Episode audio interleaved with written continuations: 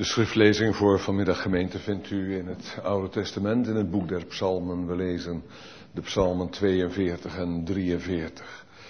Na de schriftlezing doen we een belijdenis van ons algemeen ongetwijfeld christelijk geloof, door met de kerk van altijd en overal in te stemmen met de apostolische geloofsbelijdenis. En daarna zingen we van Psalm 131 het vierde vers dat Israël op de Heere vertrouwt.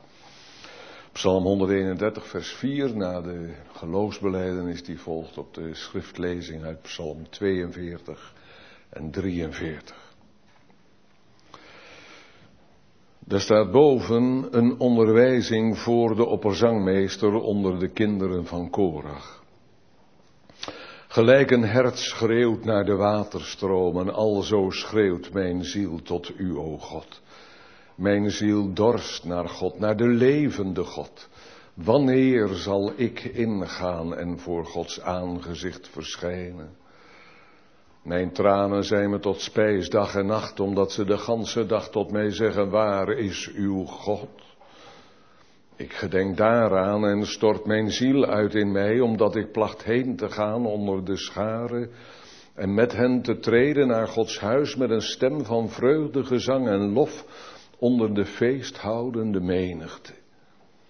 Wat buigt ge u neder, o mijn ziel, en zijt onrustig in mij? Hoop op God, want ik zal hem nog loven voor de verlossingen zijns aangezichts. O mijn God, mijn ziel buigt zich neder in mij, daarom gedenk ik u uit het land der Jordaan en Hermon, uit het klein gebergte. De afgrond roept tot de afgrond bij het gedruis uw watergoten. Al uw baren en uw golven zijn over me heen gegaan. Maar de Heere zal desdaags zijn goedertierenheid gebieden en s'nachts zal zijn lied bij mij zijn, het gebed tot de God mijns levens. Ik zal zeggen tot God, mijn steenrots, waarom vergeet gij mij? Waarom ga ik in het zwart vanwege des vijands onderdrukking? Met een doodsteek in mijn beenderen honen mij mijn wederpartijders als ze de ganse dag tot mij zeggen, waar is uw God? Wat buigt ge u neder, o mijn ziel? En wat zijt ge onrustig in mij? Hoop op God, want ik zal hem nog loven. Hij is de menigvuldige verlossing mijns aangezichts en mijn God. Doe mij recht, o God, en twist gij mijn twistzaak. Bevrijd me van het ongoede tierenvolk, van de man van bedrog en onrecht. Want gij zijt de God mijner sterkte. Waarom verstoot ge mij dan? Waarom ga ik steeds in het zwart vanwege des vijands onderdrukking? Zend uw licht en uw waarheid, dat die mij leiden dat ze mij brengen tot de berg uw heiligheid en tot uw woningen. En dat ik inga tot Gods altaar, tot de God der blijdschap mijner verheuging. En u met de harp loven, o God, mijn God. Wat buigt ge u neder, o mijn ziel, en wat zijt ge onrustig in mij? Hoop op God, want ik zal hem nog loven. Hij is de menigvuldige verlossing mijns aangezichts en mijn God. Gemeente des Heren, wat zijn er geweldig veel vragen, nietwaar? En wat zijn er mensen met veel vragen? En wat zijn er veel vragen waarop je nooit eens antwoord krijgt? Vragen omtrent de gang van je leven, diepborende levensvragen soms die je de rust benemen en slapeloze nachten bezorgen. Vragen die, die groter worden naarmate ze dichter aan je leven raken, maar die in het leven van een kind van God onverdraaglijk worden wanneer ze aan God gaan raken. Als God geen onbekende voor je is maar is geworden de God van mijn heil, zoals sommige psalmen hem noemen.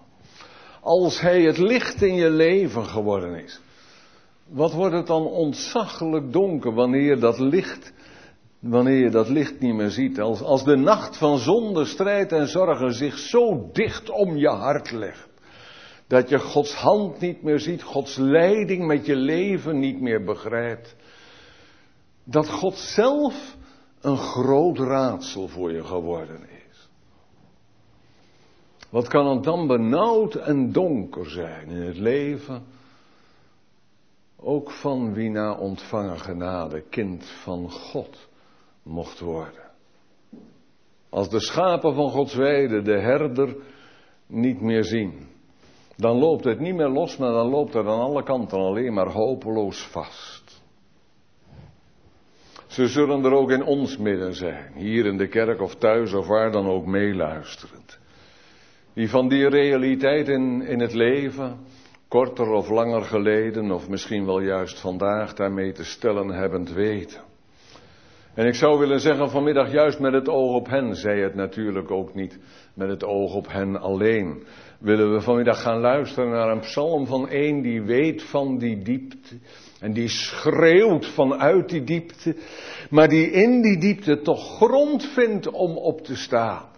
Hou vast in levensstorm en levensstrijd. Hoop die nooit beschaamt. Dat unieke, wat je elders in de wereld nooit en te nimmer vinden kunt. Dat het uithoudt onder alles. Dat ligt alleen maar in de Heer. En het wordt gevonden in de hoop op de Heer. De Vader van Jezus Christus. Eeuwig dezelfde.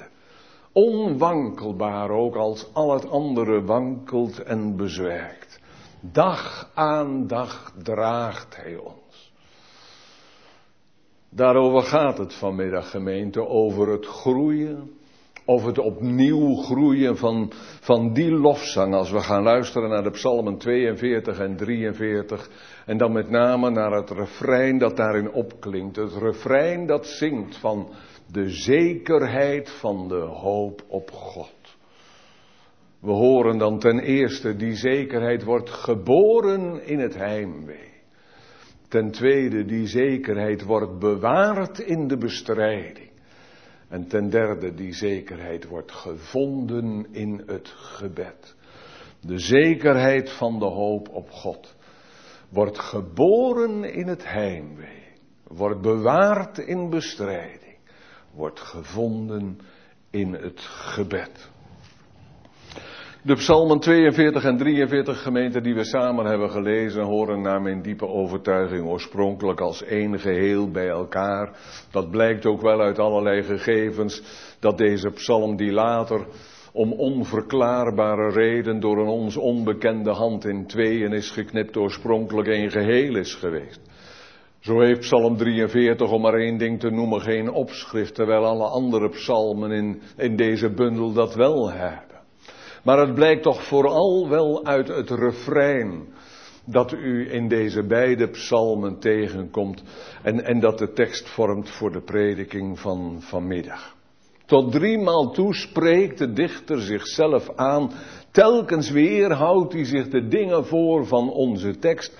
En dat is geen kwestie van zelfbeklag, als zou die man zeggen: Ach, mijn ziel, wat heb je het toch moeilijk. Maar dat is een kwestie van zelfvermaning. Mijn ziel toch. Je buigt je wel ten neer, maar, maar is dat nou wel nodig? Is daar ten diepste nou wel reden voor? Tot driemaal toe lezen we deze woorden in, in deze psalm. Maar dat betekent niet dat die woorden ook tot driemaal toe precies hetzelfde betekenen, zodat u nadat we vers 6 van 42 hebben gehad, zou moeten vrezen dat de rest van de preek uit herhaling zou bestaan.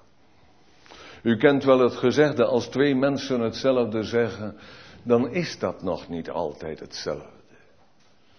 Nou, u wilt wel van mij aannemen dat dat ook opgaat als het gaat over drie mensen. Maar je kunt ook zeggen, één mens kan driemaal dezelfde dingen, dezelfde woorden zeggen, spreken, gebruiken. Terwijl het toch niet alle drie keer precies hetzelfde betekent. Omdat de achterliggende gedachte een andere is geworden. Als ik dat mag duidelijk maken met een voorbeeld, dan denk ik aan Psalm 25, vers 2. Een van de eerste psalmen die je als kind leert en, en, uit je hoofd kunt meezingen. Heer, hij maakt mij uw wegen door uw woord en geest bekend.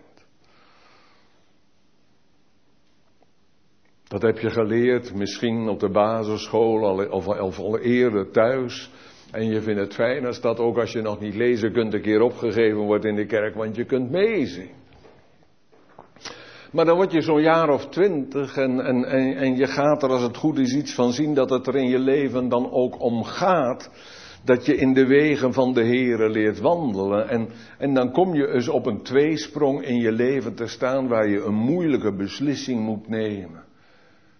En dan ga je die woorden van deze psalm opeens heel anders verstaan en naspreken. Heere, maakt mij uw wegen door uw woord en geest bekend.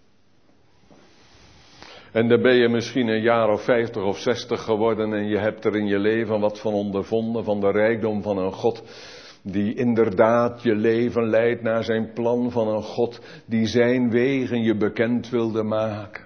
En als die psalm dan weer eens in de kerk wordt opgegeven, dan zing je hem toch nog weer op een heel andere manier mee dan toen je zo'n jaar of twintig was. Dan ligt er in die bekende woorden, Heere, hij maakt mij uw wegen, door uw woord en geest bekend.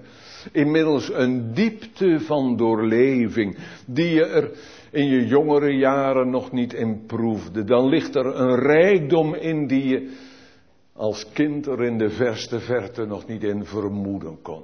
Dan zijn die woorden voor je gaan leven, die woorden van God.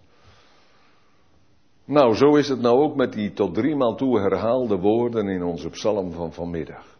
Driemaal dezelfde woorden, maar ze krijgen in de loop van de psalm een, een rijkdom en een diepte van doorleving zoals ze die aan het begin nog niet kennen. Wie is de dichter die deze woorden gezongen heeft? Er is de meeste reden voor ook gezien het opschrift te denken aan een leviet of een priester uit, uit de tempel in Jeruzalem. En één die ding is direct wel, wel, wel duidelijk dat het in het leven van die man, man bepaald niet rustig is. Het stormt er, het bruist er, het gaat in zijn leven op en neer en heen en weer van alle kanten. En in deze psalm vind je dat ook terug. Vandaar dat het ook zo'n levensechte psalm is. En ik denk wel eens, zou dat niet een van de redenen zijn waarom deze psalm tot de meest geliefde van de gemeente behoort?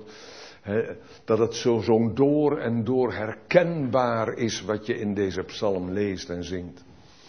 De oorzaak waarom het in deze psalm zo op en neer gaat, die kennen we ook, want de dichter blijkt ver van huis te zijn.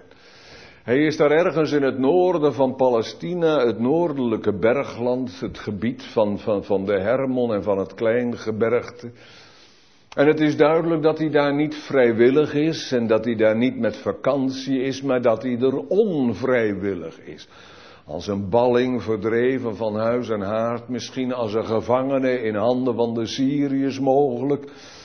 Maar in elk geval, hij is ver van de tempel en voor een oud-testamentische gelovige betekent ver van de tempel zijn ook altijd dat je ver bent van God die immers in die tempel in Jeruzalem wilde wonen. En daarmee raken we aan de diepste oorzaak van, van het heimwee van deze man. Dat ligt niet in het feit dat hij zijn vrijheid mist, of dat hij zijn gezin mist, of dat hij zijn werk mist, of wat dan ook. Hij mist God. En als er één ding duidelijk is uit het spreken van deze man, dan is, dan is dat dit, dat hij er nou juist zo een is die net als David in Psalm 27 maar één ding van de Heere begeerd heeft. En dat hij dat zoekt met alles wat in hem is. Dat hij al de dagen van zijn leven zou mogen verblijven in de voorhoven van de Heere. Om de liefelijkheid van de Heere te onderzoeken en te aanschouwen in zijn tempel. Omdat hij ontdekt heeft, dat is zo de moeite waard. Datgene waarom God de liefde van ons hart waard is. Maar in deze psalm voelt hij zich van God verlaten. En de Heere die houdt zich voor hem verborgen. Hij mist het vriendelijk licht van Gods vertroostend aangezicht waarin hij zich in het verleden met vreugde had mogen koesteren. En als hij dan daar in dat woeste bergland in het noorden om zich heen kijkt, dan, dan, dan, dan reikt de schepping die hij ziet hem als het ware de beelden aan, waardoor hij onder woorden weet te brengen wat er op de bodem van zijn hart leeft. En dan ziet hij daar dichterbij of verder weg dat hert aankomen lopen. Misschien is het wel der jacht ontkomen, zoals wij dan graag zien. Maar in elk geval, hij ziet dat beest, misschien staat het ergens op een wat vooruitspringende rots boven een diepe kloof, waarop de bodem van de kloof een woest stromende bergbeek voorbij komt. Hij ziet dat beest daar, daar staan met de kop achterover, snuivend in de wind, omdat hij water ruikt en dorst heeft. Maar hij kan er niet bij komen, omdat dat water daar, daar, in de diepte voorbij spoelt. En als die dichter dat hert daar, daar ziet staan, kop achterover in de wind, snuivend omdat het smacht naar water, dan zegt hij, zo is het nou bij mij ook. Gelijk een hert schreeuwt naar de waterstromen, alzo schreeuwt mijn ziel tot u, o God. Mijn ziel dorst naar God, naar de levende God. En ik heb dat heimwee genoemd, gemeente, want wat deze dichter verwoordt, dat is maar niet een onbestemd verlangen. Dat is niet de onrust van een mens die God niet kent en in deze barre wereld toch op zoek is naar een beetje geborgenheid, een beetje bescherming. Want ook zo'n onbestemd verlangen, dat wordt wel een keer, keer vervuld. En als dat niet vervuld wordt, dan wordt het wel een keer vergeten en je leert er dan wel mee leven op den duur. Maar heimwee, dat is wat anders.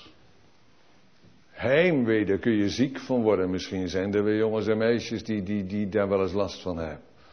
Dan ga je uit logeren en je vindt het best fijn en spannend allemaal. En toch, als je dan uit logeren bent, al is het bij nog zo'n lieve tante. Ik spreek uit jarenlang geleden ervaring dan wordt het allemaal een beetje vreemd in je buik en, en, en, en, je moet misschien wel overgeven. En, en ze halen de dokter erbij en die kijkt je goed aan en die zegt stuur hem maar gauw naar zijn vader en moeder toe, want anders word je nog ziek van heimwee. Heimwee, dat is, dat is verlangen, niet naar iets onbekends, maar naar iets dat je kent. Naar iets dat je mist en dat je niet missen kunt. Nou, zo kent deze dichter het verlangen naar God. Hij weet wie God is. God, dat is voor hem niet een filosofische redenering. God is voor hem niet een, een, een, een, een beduimelde naam uit een al lang gelezen, uitgelezen, een lang geleden uitgelezen boek. God, dat is niet een kwestie van logisch denken. Maar, maar, maar, maar God, dat is voor hem, hem werkelijkheid. Levende realiteit. God is voor hem de levende. Die God van wie hij het leven gekregen heeft. Die God die zijn leven geworden is. Deze dichter is een van die mensengemeenten die zeggen: God te kennen, dat is pas leven. De dichter is er zo een die zegt: Wat is het leven zonder God nou eigenlijk? Leven zonder God. Dat is woestijn, dat is heimwee, dat is dood. En als je tegen deze dichter gezegd zou hebben, man, wat betekent die God dan voor je? En wat zie je dan toch in, in hem? Dan zou die dunk me iets antwoorden als van, van, van als een mens daar één keer wat van gezien heeft. Als dat één keer voor je open is gegaan. Als je er wat van leerde verstaan, wat dat zeggen wil. Dat, dat God die God is die al zo lief een verloren en doodschuldige wereld heeft gehad, dat hij zijn enige geboren zoon gegeven heeft, opdat een ieder die in hem gelooft niet verderft, maar eeuwig leven hebben zou. Als dat één keer voor je is gaan leven, dat die God zich in zijn genade, in zijn ontferming, over een schuldig mensenkind heen buigt, naar, naar je omziet, naar je vraagt en zich ontfermt, dan, dan, dan raak je dat nooit meer kwijt. Dan, dan wordt dat je leven nabij God in zijn gemeenschap, hoede en bescherming. Kijk, en daarmee gemeente leer ik deze man dan kennen als een gelovige. Niet met een beredeneerd geloof, want dat kent zulke problemen helemaal niet. En niet met een puur verstandelijk geloof, want dat kan de dingen altijd wel weer op, zijn, op de vingers van, van, van één of desnoods twee handen uitrekenen. En niet met een geloof dat van de vanzelfsprekendheden aan elkaar hangt, want dat heeft het altijd in de zak zitten. En in geval van nood dan pluk je het eruit en dan zeg je ja maar ik geloof, dus ik heb nergens last van. Maar wie zo God kwijt is, als iemand die die in God heeft leren geloven als, als, als een echte werkelijkheid. Als, als een die, die, als ik het zo mag zeggen, in je leven, je leven tot leven maakt. Zo een. Die zoekt en die verlangt. En die dorst naar God. Zoals een smachtend hert naar water. Nou ja, en daar komt dan nog wat bij, want in de omgeving van deze man die dorst naar God zijn er mensen die zeggen, en waar is hij dan, die God van jou? Je zei toch dat jij God kende en dat hij jouw God wilde zijn en dat dat zo de moeite waard was. Dat God van jou hield en dat God jou vast zou houden en zo leidend was door alles heen. En ze leggen de vinger op de wonderplek van zijn leven op dat moment. Waar is die God van jou? Op dat moment dat hij er geen goed antwoord op heeft. En dan moet u eens kijken, gemeente, hoe deze man er voor de eerste keer een eindje bovenuit komt.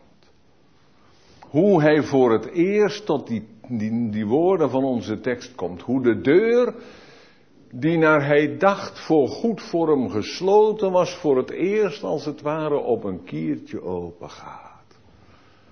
Want dan zegt hij daarin dat heimwee ver van God, te midden van die spottende mensen, ik gedenk daar aan. En dan gaat hij in gedachten terug naar het verleden. En dan zeg ik, gemeente, dat is prachtig. Want dat kan niet iedereen. Niet ieder mens heeft in een moeilijkheden wat van, van, in, wat van de Here in het verleden waaraan hij terug kan denken. Je komt mensen tegen die zo oppervlakkig leven dat, dat het leven voor hun pas bij vandaag begonnen is. Mensen die alleen maar leven bij de dag. Deze dichter heeft wat om aan terug te denken in een moeilijkheden. En, en dat maakt hem weemoedig, dat maakt om te beginnen het heimwee in zijn hart nog, nog, dieper dan het al is, want dan denkt hij terug aan die tijd toen hij nog wel in Jeruzalem was. En toen hij te midden van de feestvierende menigte, bijvoorbeeld bij een van de grote Joodse feesten, daar, daar, die, die menigte die de straten van Jeruzalem vervulde, daarvoor hen uittrok, als een van dat Levitische tempelkoor, dat de straten van Jeruzalem vulde met de jubeloofde Heere, mijn ziel. Want de Heere is goed en zijn goede tierenheid duurt tot in eeuwigheid. Maar als hij dan daaraan terugdenkt, dan zegt hij voor de eerste keer, mijn ziel, wat buig je je neer in mij.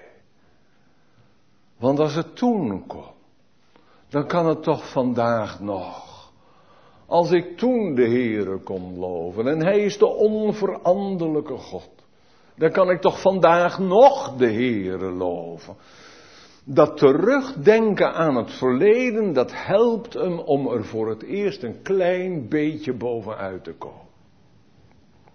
En dat lees je maar niet alleen hier in onze tekst, maar dat kom je vaker in de Bijbel tegen. Ik denk om nog maar een voorbeeld te noemen aan, aan Asaf in Psalm 77, ook een van die, van, van die Levitische tempelzangers die gezongen heeft, ik zal gedenken hoe voor deze ons de Heer heeft gunst bewezen.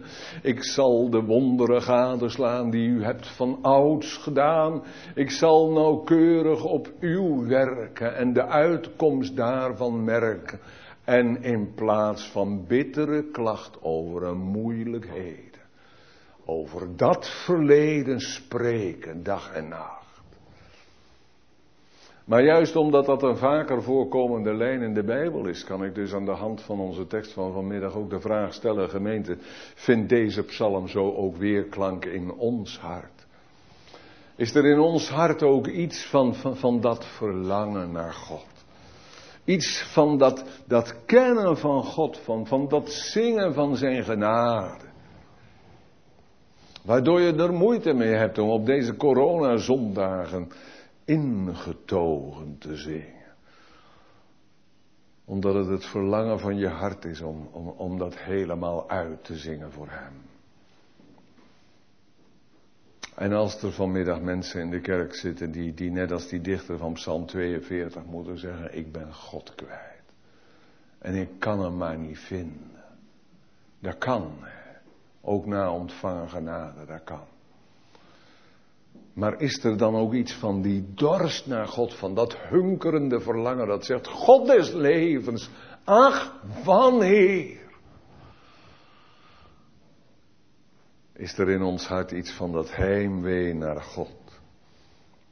Maar vooral in het licht van dit eerste punt dan ook het volgende. Hebben wij dan in ons leven ook iets waaraan je in een moeilijkheden terug kunt denken?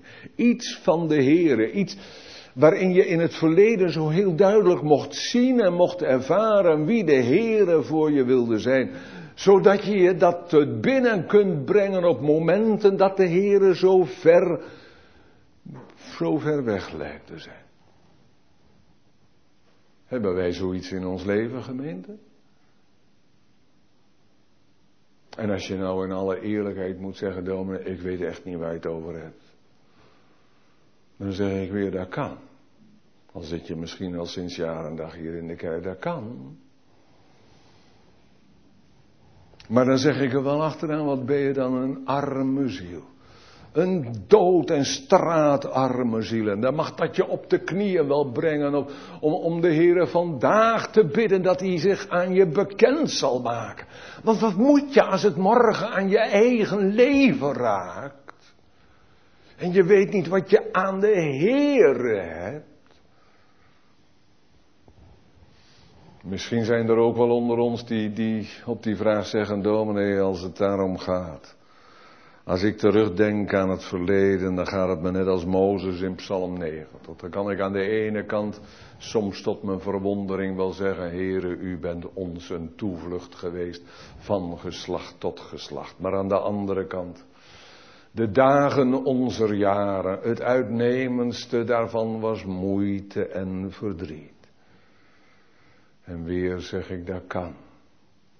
Dat kan. Dat er mensen zijn in het midden van de gemeente die dat moeten zeggen. Het uitnemendste moeite en verdriet. Maar aan hen zou ik vanmiddag willen vragen: heb je ook alles geleerd om dat om te draaien? Zoals ik dat iemand eens hoorde zeggen. Moeite en verdriet werd in mijn leven het uitnemendste.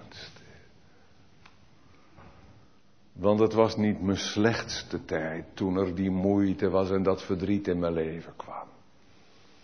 Oh nee, ik verlang er niet naar terug, naar die tijd van, van moeite en zorg, van beproeving en rouw. Maar aan de andere kant, wat ik in die periode geleerd heb, wat ik van de Heere geleerd heb en wat de Heere voor me wilde zijn, in die moeitevolle werkelijkheid van toen, dat zou ik voor geen goud ter wereld ooit hebben willen mis. Kijk, dan kan het zijn, gemeente, als ik dan vanuit die moeilijke situatie waarin ik vandaag verkeer, daaraan terugdenk. Dat dan de deur tot de zekerheid weer op een kiertje open gaat. Dat deur tot de hoop op God. Als ik terugdenk aan wie God voor me wilde zijn in het verleden. Dan zeg ik maar, wat buigt ge u vandaag dan ter neer, o mijn ziel. Als God me vroeger niet in de steek liet. Als, als God me in die periode van zware beproeving niet aan mijn lot overliet. Als God er was vijf of 25 jaar geleden om me vast te houden, om mijn leven te leiden en te regeren. Dan zal hij me nou toch ook niet loslaten. Dan houdt hij me nou toch ook vast.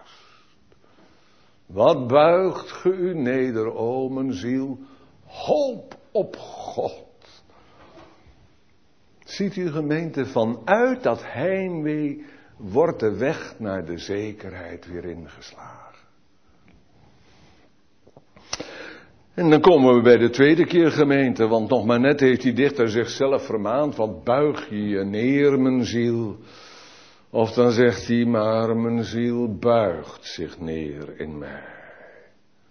Nog maar net was die deur naar God als het ware op een kiertje open gegaan, of nou valt hij zomaar weer met een klap in het slot. Zo opeens is het weer mis. Wat buigt ge u neder? Ja, zegt hij, maar, maar het is dan toch maar zo. Mijn ziel buigt zich neer.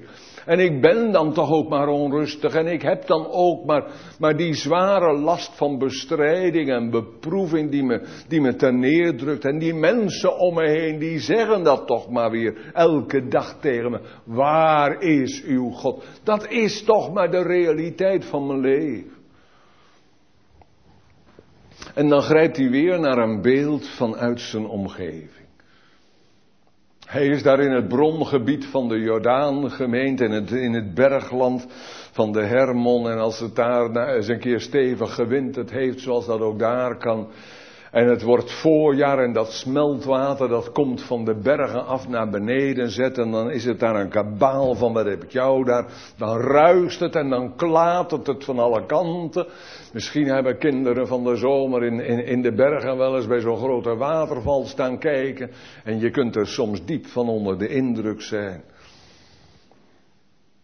En dan is het alsof, alsof die, die ene afgrond roept tot de andere en dan bruist het en dan kolkt het en dan kookt het.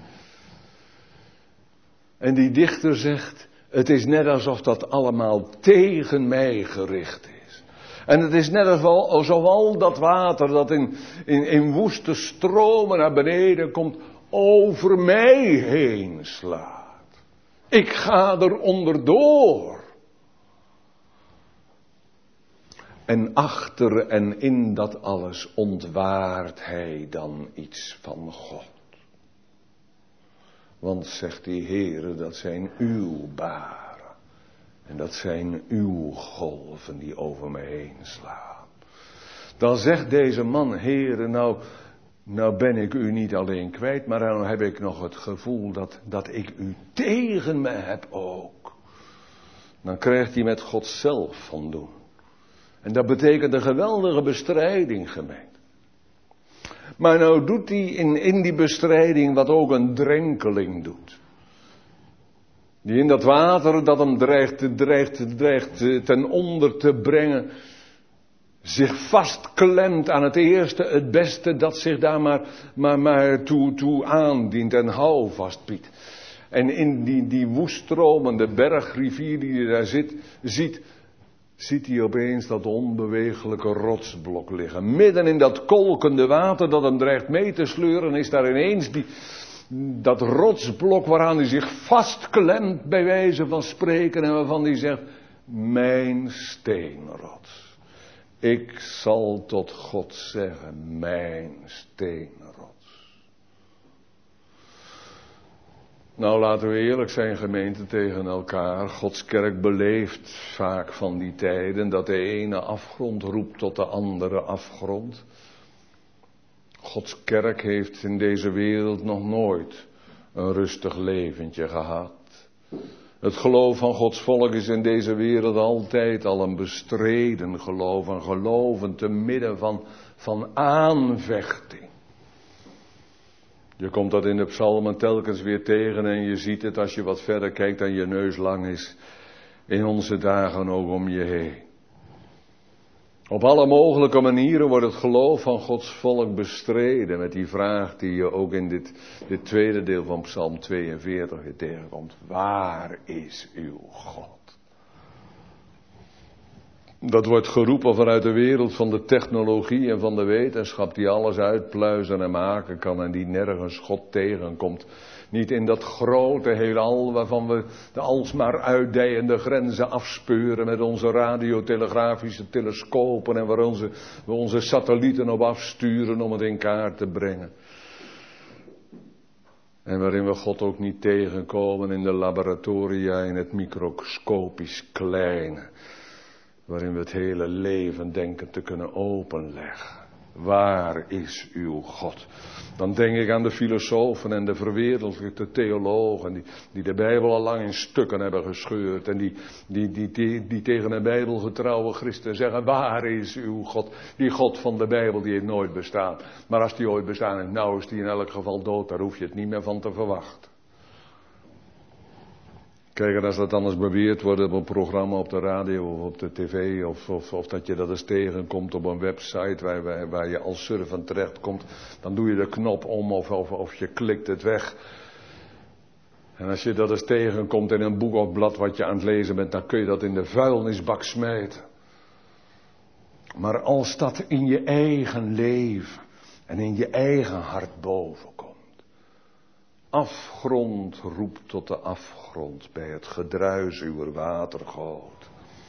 En je hoort de afgronden roepen, maar je hoort God niet. En je ziet al die baren en golven van God over je heen komen, maar je ziet God nergens. En je hebt het gevoel dat, je, dat het je alles overspoelt, dat er alleen maar beproeving en bestrijding is. Dan kan dat een geweldige verschrikking in je leven zijn.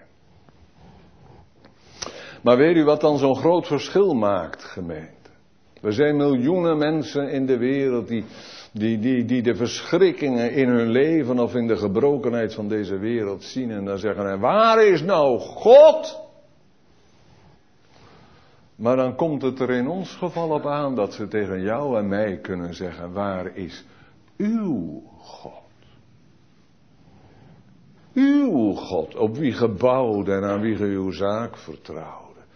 Jouw God. Of zitten er dan ineens mensen onder ons die zeggen, ja maar dat durf ik zomaar niet te zeggen. Dat God mijn God is. Want dat, dat, dat is zo groot. Die heilige en almachtige God en ik zo'n zondig mensenkind als ik ben. Nou kan ik dat wel begrijpen, gemeente. Ik weet daar zelf ook wel wat van. Maar op dit punt waar we vanmiddag zijn aangekomen, moet ik zeggen, het is wel het allerbelangrijkste hoor, waarmee het in dit stuk van zaken staat of valt allemaal. Of God, uw God, is jouw God, aan wie je vandaag houvast hebt, ook te midden van, van, van, van bestrijding en beproeving. Want met dat terugdenken aan het verleden waar we het net over hadden, alleen kom je er tenslotte ook niet. Dat blijkt wel in deze psalm. Maar u moet u er eens op letten, gemeente, wat er in vers 7 staat. Ik denk aan u, o God, in het klagen. Ik denk aan die God die mijn God geweest is. En die ik in de stormen toch noem mijn rots en mijn vastheid, mijn hulp en mijn steun. En die God zal ik aanroepen. En daarmee is de dichter dan toch weer een stap verder, gemeente, op weg naar de zekerheid die er ligt in de hoop op God. En toen net zei ik in punt 1, wat ben je arm als je in je verleden niks van de Here hebt om aan terug te denken in een moeilijkheden. Maar nu moet ik daar nog wat bij zeggen, gemeente. Mensen die alleen maar aan het verleden terug kunnen denken. Dat zijn ook arme mensen. Kom je ook in de gemeente wel tegen. Mensen die zeggen, ja, toen en toen, toen, toen, toen heb ik eens wat meegemaakt, weet u, vijf of 25 jaar geleden. Toen was God er in mijn leven en wat ik toen allemaal niet ervaren heb. En misschien dat de broeders wel eens kreunen als ze op zo'n adres weer, weer op huisbezoek moeten, omdat ze zeggen van krijgen we weer dat hele verhaal over ons heen. Want het is elk jaar hetzelfde. Aan zulke mensen zou ik willen vragen, bent u sindsdien ook al eens wat verder gekomen in het zicht op de Heer? Bent u in de loop van dit jaar daar nog eens wat verder in gekomen? Is God voor u een God die je vandaag wil helpen? Een God die je vroeger al leerde kennen? Maar van wie je het vandaag mag beleiden? Dat hij nabij is. En dat hij helpt in nood. Weet u gemeente, er is in deze psalm in zekere zin een opgaande lijn. In vers 5 zegt die dichter, ik denk aan het verleden. In vers 7 zegt hij, ik denk aan God. En zegt hij, als ik aan God denk, dan zal ik nu tot God spreken. En dan gaat de deur weer een eindje verder open. En dan komt opnieuw onze tekst. Wat buigt ge u neder, o mijn ziel? Wat, bent ge, wat zijt ge onrustig in mij? Hoop op God. En dan hoop ik, gemeente, dat u vanmiddag aan God mag gedenken. en dat u die God vandaag mag noemen. Al is het midden in de storm en in de strijd die er kan woeden in je leven op ditzelfde moment. Dat u die God vandaag mag noemen, mijn steenrots. En dat je je daarbij dan afvraagt of de reden is om denkend aan die God je zo ter neer te laten buigen. Of dat er reden is om denkend aan die God je aan Hem vast te klemmen. En, en, het te zeggen, hoop op God, mijn ziel. En dan komen we tenslotte bij de derde keer, aan het slot van, van wat wij dan Psalm 43 noemen. En dan ontdek ik, nou gaat die dichter inderdaad bidden. Dat heeft hij tot nog toe in Psalm 42 niet gedaan. Hij heeft wel gezegd in vers 10, ik, ik zal tot God mijn steenrot spreken, maar hij deed het nog niet. Nu gaat hij dat met daad doen. Het blijft niet bij het voornemen, nee, hij begint meteen. Doe mij recht, o God, en voer mijn rechtsgeding. Tegen een volk zonder godsvrucht. Doe mij ontkomen aan de man van bedrog en onrecht. Want u bent de God mijn sterkte. Waarom verstoot gij mij? Waarom ga ik in het zwart vanwege mijn vijands onderdrukking? Hij is aan het bidden hoor. En ik onderstreep dat maar even, want u schrikt er misschien wel van, omdat u zegt, is dat nou bidden? Wat die man doet in het begin van Psalm 43? Is dat nou een gebed dat God behaagt? Zou die man wel weten wat hij zegt? Doe mij recht, o God. Waarom, o God? Dan zeggen wij nog wel eens niet waar, je moet niet vragen waarom. Dat zeggen we dan meestal niet tegen onszelf, maar tegen een ander die met die vragen worstelt. Je moet vragen waartoe. Maar als ik de Bijbel lees, dan hoor ik Gods kind ook wel eens op een manier praten tegen zijn vader, die, die in onze soms al te rechtlijnige theologische redeneringen niet zo heel precies past. Want als een kind echt kind is, dan zegt het immers wel eens wat tegen vader. En dan zegt het ook wel eens waarom. Waarom doet u dat nou toch zo? En waarom doet u het niet anders? Maar als je God de Heer niet persoonlijk echt kent, dan, dan zeg je dat, dat is brutaal om te zeggen, doe mij recht, o God. We hebben immers niks verdiend, we hebben geen recht. En dan zeggen we, je moet niet vragen waarom, leg liever je hand op de mond. Nou, er kunnen situaties zijn waarin dat ook moet.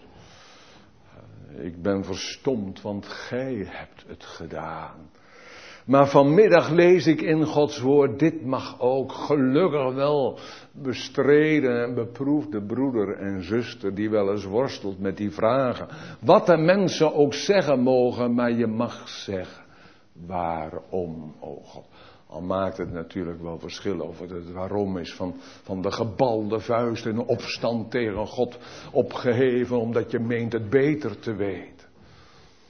Of dat het de worstelvraag is van het kind van God dat vader zo graag wil volgen in zijn weg. Maar je mag zeggen, o God, waarom? Want weet u wat een kind doet als het er niet meer uitkomen kan? Dan gaat hij in beroep bij zijn vader en dat doet die dichter ook. Hij zegt, Heere, laat mijn zaak nou eens uw zaak mogen zijn. Hij legt het alles aan de Heere voor. Hij heeft eerst geprobeerd om het zelf te dragen.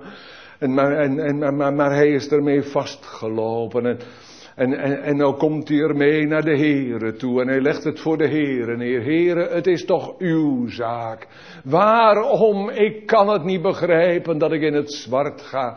En, en, en, en ik kan het niet begrijpen dat ik in de verdrukking leef. Waarom, o God? Zend toch uw licht, want het is zo donker op mijn weg. En zend toch uw waarheid, want ik snap er niks van. Opdat ik u zal loven bij de citer. En u mag psalm zingen, o God, mijn God. Kijk, en in de weg van dat gebed, gemeente, dat zegt, doe mij recht, o God. Waarom, o God, in die weg komt dan voor de derde keer dat refrein. Wat buigt ge u neder, o mijn ziel. En wat zijt ge onrustig in mij.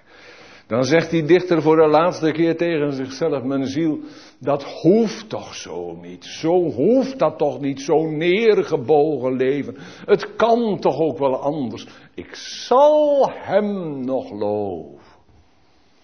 En daar moet je op letten, gemeente, dat die dichter zegt, ik zal. Hij zegt ook aan het slot van Psalm 43 niet, nou kan ik hem weer loven. Want daar is hij nog niet aan toe.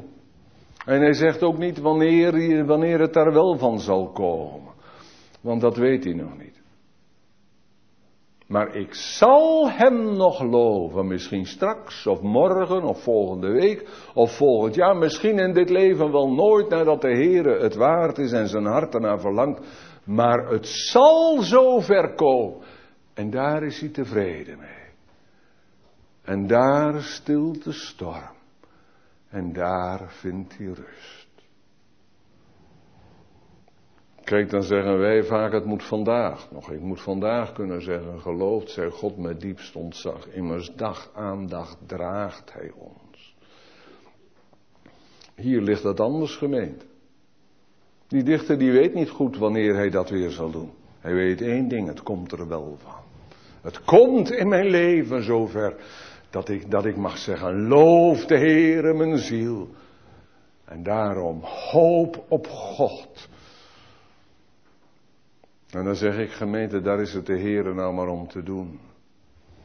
Wanneer Hij ons onder zijn onderwijs brengt, middels de prediking van zijn woord. Daar werkt Hij op aan. Dat je vanuit die werkelijkheid van je leven, vanuit die werkelijkheid van nood en beproeving en bestrijding, in de weg van het gebed, komt tot die beleidenis. Ik zal hem nog loven. Ja, maar zegt iemand vanmiddag, ik, dominee. Want dan zijn er die bestrijders van binnenuit die, die, man, die dan misschien tegen je zeggen, je hebt het niet verdiend. En als, als God met jou in het recht gaat treden, dan, dan, dan kun, je van, kun jij voor hem niet bestaan en dan blijft er van jou niks over. Maar dan mag ik vanmiddag zeggen namens deze God, die een steenrots wil zijn voor allen die op hem hopen. Dan mag ik zeggen, gemeente, lees straks thuis deze psalm nog eens een keer. En lees hem dan niet als, als de psalm van een onbekende korachiet. En lees hem niet als de psalm van, uh, misschien van de lievelingspsalm van, van, van een godvrezende grootvader of van een vrome, vrome moeder.